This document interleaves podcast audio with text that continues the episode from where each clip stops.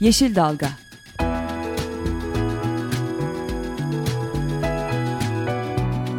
Çevre mücadeleleri üzerine.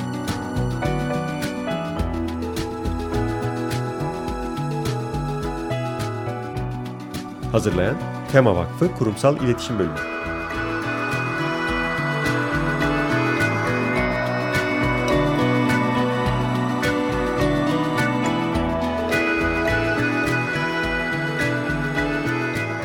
Yeşil Dalga programına katkılarından dolayı Willow Pompa Sistemlerine teşekkür ederiz. Merhaba sevgili dinleyiciler. Yeni bir Yeşil Dalga programında daha sizlerle birlikteyiz. Programı hazırlayan ve sunan ekipten ben Özgül Erdemli Mutlu.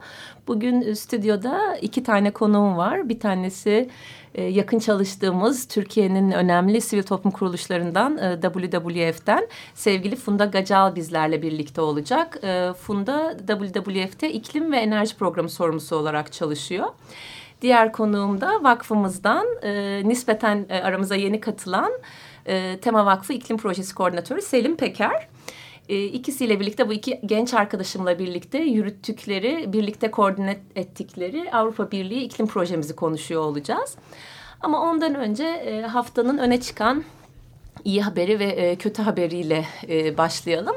Ondan sonra da konuklarımla birlikte e, güzel bir sohbet edeceğimizi umuyorum. Çünkü e, genelde e, hem basına yansıyanlar hem e, yani sosyal medya olsun, bil, e, geleneksel medya olsun genelde böyle e, kötü haberlerle gündeme geliyor çevre konuları. Biz bugün bu Avrupa Birliği iklim projemizden bahsedelim istedik. Çünkü her ne kadar iklim değişikliği konusu çok e, devasa bir konu ve devasa bir sorun olsa da küçük çapta böyle umut veren projeler olabiliyor. E, Türkiye'de farklı yerlerde bulundu iki arkadaşım. E, birazdan ilerleyen dakikalarda onları konuşacağız. Haftanın e, kötü haberiyle başlayayım.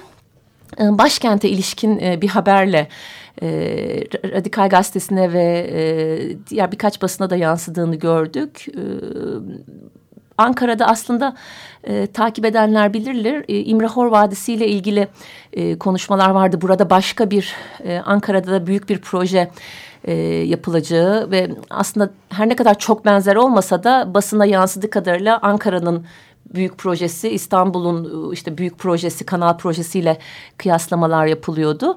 Bu 2014'ten beri zaman zaman gündeme gelen bir konuydu. Geçen ay aslında söz konusu İmrahor bölgesiyle ilgili olarak vadinin imara açılmasıyla ilgili konu geçen ay Ankara Büyükşehir Belediyesi tarafından kabul edildi. Yani imar planı, Nazım imar planı kabul edildi. E, ve geçtiğimiz hafta itibariyle askıya çıktı. E, buna göre e, İmrahor Vadisi'ndeki bu 650 hektarlık alanda e, alanda ticaret, konut ve turizm mekanları açılacak. E, vadi tabanında konut inşa edilebilecek ve turizm tesisleri kurulabilecek. E, tabii ki turizm önemli bir konu. Ticaret evet önemli e, gelişme açısından, e, kalkınma açısından. Ancak buranın yani bu konuların, bu planların nerede yapıldığı konusu e, çevrecileri ve genel olarak e, Ankara'daki yerel halkı da ilgilendiren bir konu. Çünkü İmrahor Vadisi'nin öneminden ötürü. E, şimdilik plan askıda. Biz de burada hem bu haberi paylaşmak istedik hem de plan askıya çıktıktan sonra belirli yasal süreci içinde itirazlar yapılabiliyor. E, dolayısıyla basında bir şekilde kaçırmış olanlar ya da askıyı gün be gün e, takip etmeyen e, ilgililer, e, STK'lar, e, avukatlar, çevre dostları varsa bu planı edinebilirler ve e, onun üzerinden itirazlarını yasal süreci içinde yapabilirler. Çok özür dilerim. E, başka bir haberimiz daha var. Bu, bu iyi haber. E, aslında e, kötü haber olarak başlayan ama şimdilik hukuki anlamda e, ki süreçte iyi habere dönüşen e, nükle e, şey çok özür diliyorum e, Sivas'a dair e, bir konuyu paylaşmak istiyorum. E, biliyorsunuz altın madenleri konusu e, gündemimizde e, Sivas'ta da e, planlanan bir altın madeni konusu vardı. Bununla ilgili olarak e, dava süreci e, devam eden dava süre, e, hukuki sürece taşınmıştı ve e, yürütmeyi durdurma kararı verilmişti. Çet süreciyle ilgili olarak da e, şirket kararı e, şirket şirketin ÇED olumlu kararı almasından sonra e, oradaki açılan dava sürecinde ÇED olumlu kararı iptal edilmişti ama bir diğer yandan şirket başka benzer bölgedeki e, altın madeniyle ilgili başka bir e, ÇED'e daha başvurmuştu. E, buna Sivas İdare Mahkemesi dur dedi. E, çevre ve yaşam savunucuların yanında karar vererek e, bunun uygun olmadığını söyledi. E, uygun olmadığını belirten bir karar aldı ve yürütmeyi durdurma kararı alındı. Dolayısıyla şimdilik e, Sivas'ta Sivas'ın Kangal Bakırtepe bölgesinde planlanan e, Siyanurlu Altın Madeni projesine hukuki yoldan e, dur denildi. Umarız bundan sonraki aşamada e, konu de, yani konunun yapılmasına yönelik e, süreç hukuki olumluluğun yanında e, tamamen iptal edilerek e, kapanabilir. E, bir tane de duyuruyu paylaşıp ondan sonra konuklarıma dönmek istiyorum. E, nükleer konusuyla ilgili olarak biliyorsunuz her ne kadar odamızda Mersin e, Akkuyu nükleer e, santrali daha fazla gündemde olsa da çünkü onun ÇED'e olumlu kararı geçtiğinden ötürü bir yandan da Sinop'la ilgili olarak da Sinop'taki e, çevre kuruluşları, Sinop'taki yaşam savunucuları o konuya da dikkat çekmek istiyorlar. E, aslında Sinop'la Mersin'in derdi bir anlamda aynı olduğu için de ortak nükleer karşıtı platform e, ortak e, eylem çağrısı yaptı. 15 Şubat'ta buna destek vermek isteyenler hem oraya giderek e, Mersin'deki e, eyleme e, destek verebilirler. Sosyal medya üzerinden de nükleere hayır etiketi ve nükleere isyan etiketiyle e, bu eyleme katkı verebilirler. E, bu haberleri paylaştıktan sonra hemen stüdyodaki konuklarıma dönmek istiyorum. Ee, sevgili Funda ve Selin'e sözü bırakmak istiyorum. Ama öncelikle bizlere e, projenin detaylarını anlatmadan önce e, iklim ve su, sivil toplum projesinin fikri nasıl ortaya çıktı? Ondan başlayalım istersen. Selin seninle başlayalım. Hı hı. E, projemizin bir başlığını tam olarak alalım senden ve bu proje fikri nasıl oluştu? Hı hı. E, merhaba Özgül bu arada. E, şimdi iklim ve sivil toplum projesi aslında iklim ağının bir projesi ol, olarak ortaya çıktı.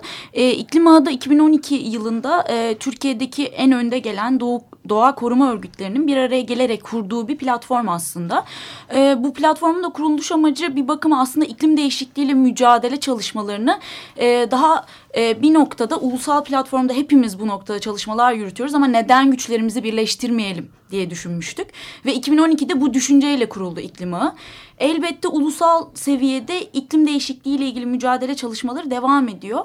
Ama e, şunun da farkına vardık ki bu 2012'den bu yana varıldı ki e, geçen süreçte e, aslında yerel seviyede de bir şeyler yapılması gerekiyor. Çünkü sadece biz ulusal seviyede bir araya gelerek belirli çalışmalar yürütüyoruz. Peki yerelde iklim değişikliğinin etkileri ne noktada? E, bunların da konuşulması ve öğrenilmesi gerekiyor. Tabii ki bunu en yakın kimlerden bu bilgileri alabiliriz? Kimlerle görüşebiliriz diye düşündüğümüzde e, yereldeki sivil toplum örgütleriyle neden iletişime geçmiyoruz? Neden onlardaki iklim değişikliği ile ilgili kapasiteyi arttırmıyoruz düşüncesi ortaya çıkmış ve bu çerçevede iklim ve sivil toplum projesi geliştirildi.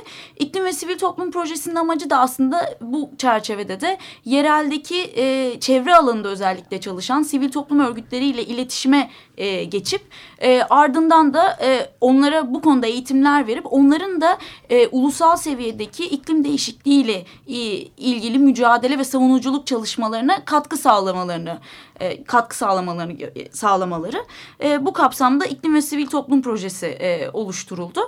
E, ve e, biz projeyi de Ekim ayından bu yana yürütüyoruz. O zaman e, bir de projenin destekçisini de söyleyelim. Çünkü Tabii. Türkiye çapında projelerden ya da e, yerelde belli illeri kapsayan projelerden bahsettiğimizde ne kadar olsa e, tabii ki bir büyük maliyeti oluyor. Bu projemizde e, kaç ay sürecek, kim tarafından fonlandı, projenin içerisinde neler var ve hangi çalışmaları planlıyorsunuz o konuda da Funda sana mikrofonu bırakıyorum. Senin de belirttiği gibi proje Eylül ayında başladı. Hazirana kadar, Haziran'da tamamlanması öngörülüyor. Bu kapsamda 9 aylık bir proje. E, projenin ilk ayağı aslında yerel dedik. İşte 7 bölgeden birer il seçip, e, oradaki özellikle sivil toplumun öne çıktığı illeri seçip, orada iklim değişikliği nedir? Sonuçları nelerdir özellikle Türkiye'de? Bunu anlatmak idi. Ee, biz gitmeden önce bir eğitim ihtiyacı anketi yaptık. Ee, şimdiye kadar yaklaşık 90 katılımcı e, ankete katıldı. Aynı zamanda telefonlarda da destekledik. Yaklaşık bir 100 katılımcıya ulaştık.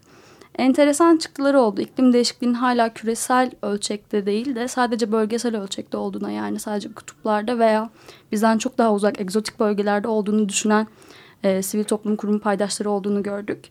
E, bir diğeri de özellikle iklim değişikliğiyle hava kirliliğinin birebir e, karıştırıldığını gördük. E, yine bizim orada söylemeye çalıştığımız iklim değişikliğinin sera gazlarının etkisiyle oldu ve bu sera gazlarının başında da karbondioksitin yer aldıydı ve karbondioksitin de Türkiye'de dahil e, küresel anlamda enerji e, fosil yakıt tüketiminden yani enerji yatırımlarından e, ve sanayiden kaynaklandığıydı. Ancak yine yaptığımız anketlerde daha farklı bulgulara e, ulaştık. Biz bu yüzden özellikle bir iklim algısını oturtturmak istedik orada. E, yaptığımız çalıştaylar bir gün boyunca bir gün sürdü. Sabahtan iklim değişikliği nedir, etkileri nelerdir, e, Türkiye'de ve uluslararası anlamda neler yapılıyor bunu anlattık. Öğleden sonra da onların fikirlerini aldık. Ee, Bahsettiğin anketler ama onu netleştirmek açısından aşama aşama yani siz eğitime gitme e, siz eğitime gitmeden önce masa başında İstanbul'da bu telefonlarla evet. ihtiyaçlarını evet. ve beklentilerini evet. planladınız. Ona göre eğitimi şekillendirip sonra sahaya Anadolu'ya gittiniz evet. öyle mi? Evet.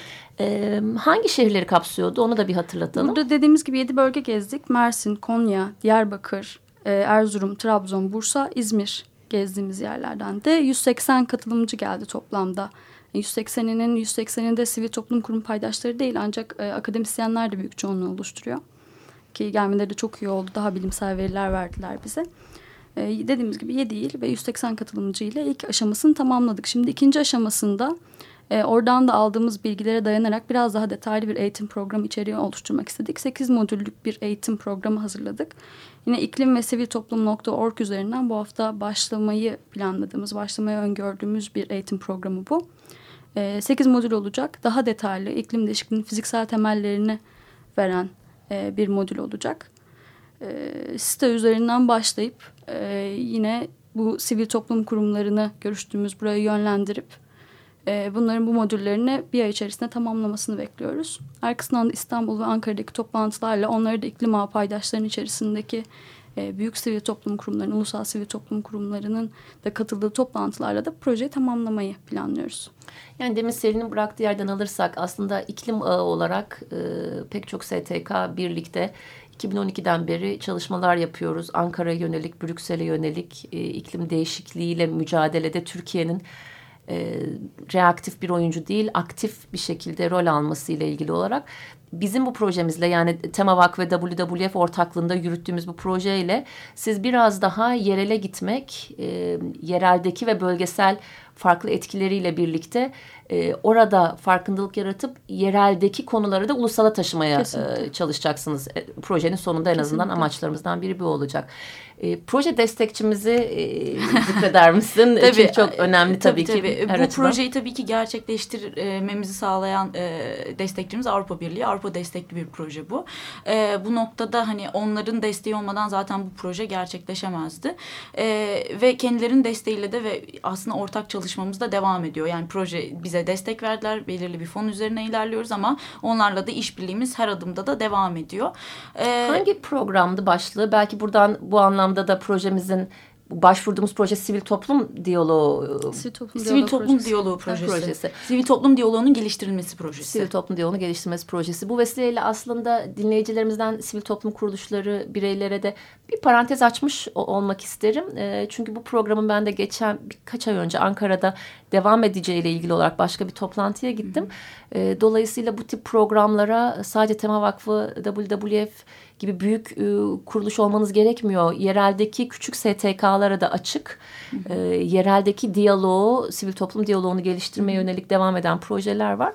Bunun için Merkezi Finans İhale Bilim Biriminin e, web sitesinden hibe programları e, takip edilerek başvurulabilir. Hı hı. Zaten bizim projemizin e, akabininde bizimle birlikte e, aslında belki biz ulusaldan olan birkaç STK'dan biriydik. Onun dışında bu e, fonun amacı aslında olabildiğince yereldeki sivil toplum örgütlerini hı. desteklemekti ve sadece çevre değil çok farklı alanlarda e, bu fon çerçevesinde aslında bu projeler yapan kuruluşlar var şu an. E, o nedenle aslında Türkiye'deki yereldeki birçok e, sivil toplum örgütünün de bu, bu, bu gibi fonları takip etmesi için aslında yönlendirebiliriz de buradan. Evet tabii e, gerçekten de o da önemli bir konu. Ben tabii tema vakfı olunca hani odamız çevre gibi oluyor ama sivil toplum diyaloğu kapsamında gençlik örgüt projeleri, hibe programları kapsamında gençlik örgütleri, kadın örgütleri, hmm. yereldeki başka konular e, öne çıkan e, farklı STK'lar, demokratikleşme ve bir sürü farklı konularda projelerle başvurulabiliyor. Ya bizim projemiz gibi kısa, ki dokuz ay hayli kısa bir süre aslında ya da duruma göre daha uzun projeler yapılabiliyor. Funda sana dönmek istiyorum. Burada ee, Selin aslında aynı soruyu sana da soracağım. Ee, bunun için e, düşünebiliriz. Ee, şunu merak ediyorum. Hakikaten çok kısa bir sürede yedi il, yedi bölgede yedi ile seyahat ettiniz. Ee, ikiniz ana ekip, proje ekibi olarak. Buralarda çok farklı bölgelerde farklı insanlar da bir araya geldiniz. Gözlemlerinize yönelik yani proje bazında. Onun için hani e, genel raporlarınızda değindiğiniz konuların dışında örneğin sana ilginç gelen, duyduğun, seni değiştiren de o konuyla ilgili farklı düşünmene yol açan anekdot, anı ya da paylaşmak istediğin bir şey olur mu? Ee, bölgeleri işte gittiğimizde zaten diyoruz hep yerele inmek istiyorduk. Yerelde neler var, yerel görüyor mu? Özellikle ilk oturumdan sonra yani iklim değişikliğinin neleri etkilediğini anlattıktan sonra e, katılımcılardan da e, cevaplar gelmeye başladı. İşte örneğin Mersin'de e, normalde orada hiç çıkmayan e, bir zehirli balık türünden, balon balığından balon bahsettiler.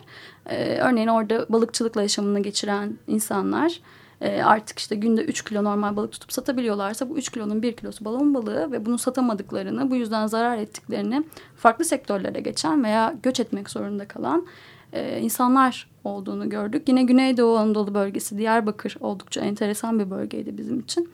Diyarbakır bölgesinde de e, özellikle kaçak elektrik konusundan bahsettiler ama bunun da şöyle değindiler.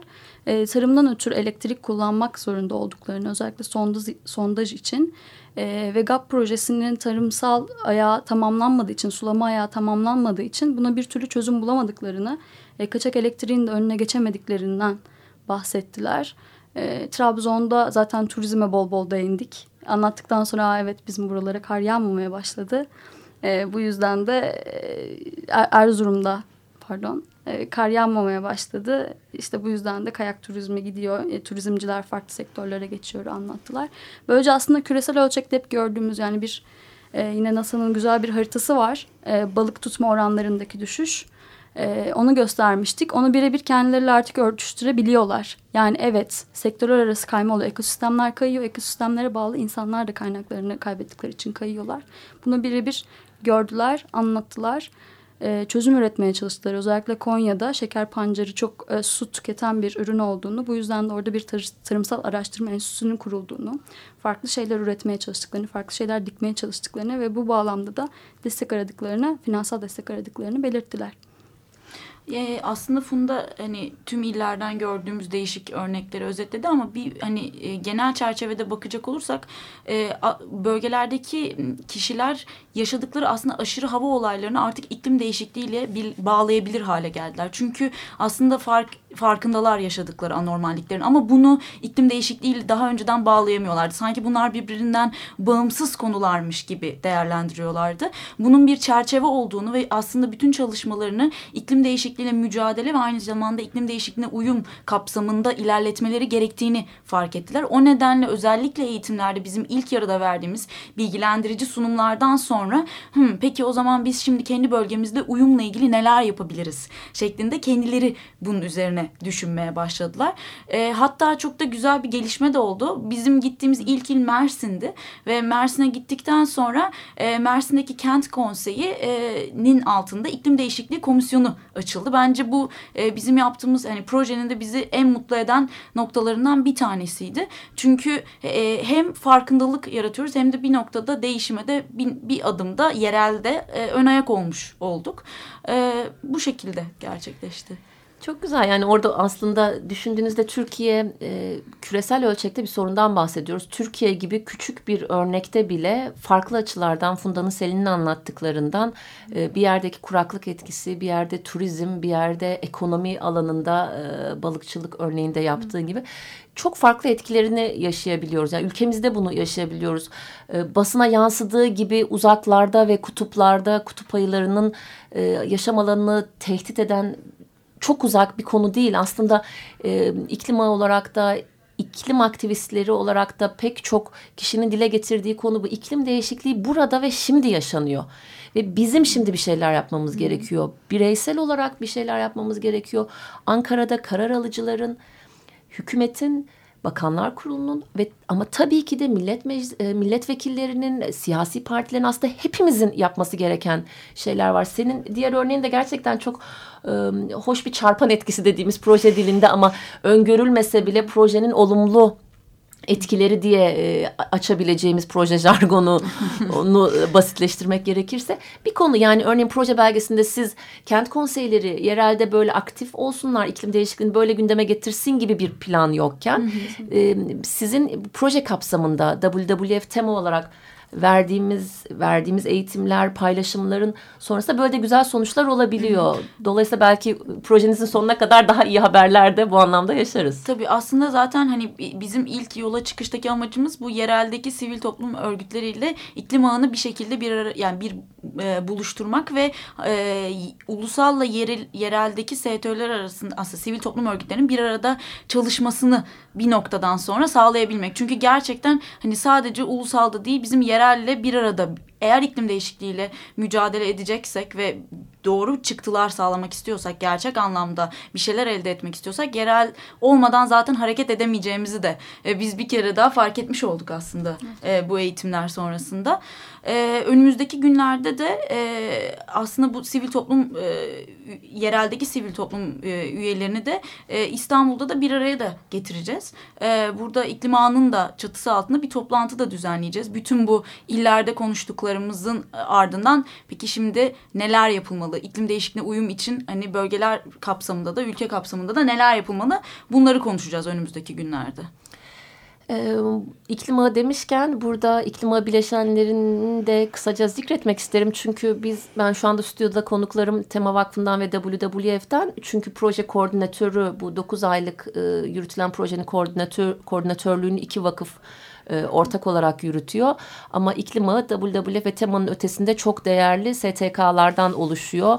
E, Doğa Derneği, Doğa Koruma Merkezi, Greenpeace, e, Akdeniz, Eurosolar, Turkey e, Buğday, Kados, e, 350 Ankara atladığım yoktur umuyorum. Yeşil Düşünce Derneği. Yeşil Düşünce Derneği. Çok önemli bileşenlerimiz var. E, dolayısıyla hem e, onların adını zikretmek istedim hem de iklim ağı olarak bizim aslında en önemli destekçilerimiz de yine ağın içinde yer alan akademisyenlerimiz. Çünkü bizler hem iklim ağı olarak hem tema WWF bilgiye dayalı bir şekilde iklim e, savunuculuğu yapıyoruz. E, dolayısıyla oradan aldığımız e, de Murat Türkeş, e, hocamız Profesör Doktor Murat Türkeş, Profesör Doktor Tanay Sıtkı Uyar, e, doçent doktor Barış Karapınar, doçent doktor Semra Cerit Mazlum, e, doçent doktor Levent Kurnaz çok değerli hocalarımız bize destek veriyorlar.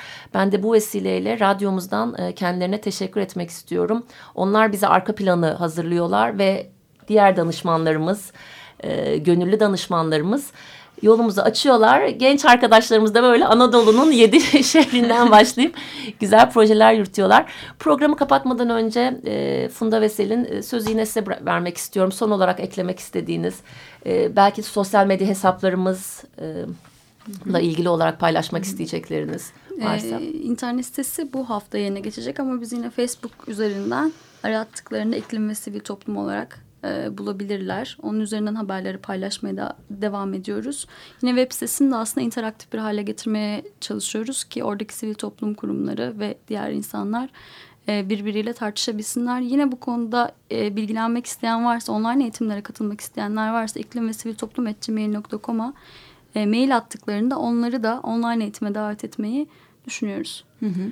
E, yani çalışmalarımızda aslında de, e, sivil toplum diğer yerelde aramıza katılamamış sivil toplum örgütleri de varsa onlar da e, bir sonraki adımda online eğitime de dahil olabilirler. Hani buradan da bunun çağrısını da yapmak isteriz. Aynı şekilde e, online eğitime kamu kuruluşlarından kişiler de eğer bu konudaki kendi kapasitelerini arttırmak ve bir şeyler yapmak istiyorlarsa onları da e, online eğitimimizde görmek isteriz. Gerçekten de önemli oldu. Ben bile yani sizin hazırlıklarınızı görüyorum ve kesinlikle kendimi güncellemem gereken çok fazla alan e, görüyorum. Bu vesileyle e, online eğitimimiz başladığında emin olun ki e, hani onların e, eğitimi alacak kişilerden biri de ben olacağım. Beni gördüğünüz zaman teste tabi tutabilirsiniz. Gerçekten kendi kurumlarımız içinde tanıdıklarımız e, kamu çok önemli. Ama oradaki biz en azından eğitimi hazırlayan danışmanlarımız proje ekibi olarak mümkün olduğu kadar mümkün olduğu kadar e, basitleştirip öncelikli konulara e, gündeme getirmeye çalışıyoruz. Çünkü iklim değişikliği çok büyük bir konu. Çok geniş e, konuları kapsıyor. Söylenecek çok şey var. Ama e, bu projeyle en azından bu online eğitimle hı hı. bizlerin de küçük bir katkısı olsun isteyeceğiz. E, programı burada noktalamak istiyorum. E, WWF e, İklim ve Enerji Programı sorumlusu Funda Gacala ve Tema Vakfı İklim Projesi Koordinatörü Selim Peker'e konuğum oldukları için teşekkür ediyorum. Biz teşekkür ediyoruz. Görüşmek üzere, hoşçakalın. Yeşil Dalga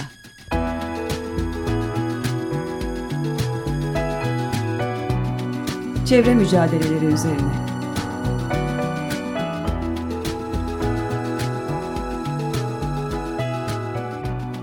Hazırlayan Tema Vakfı Kurumsal İletişim Bölümü.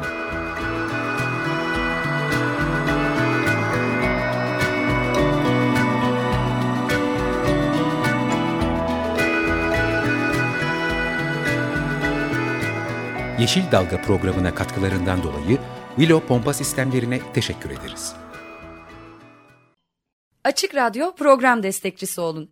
Bir veya daha fazla programa destek olmak için 212 alan koduyla 343 41 41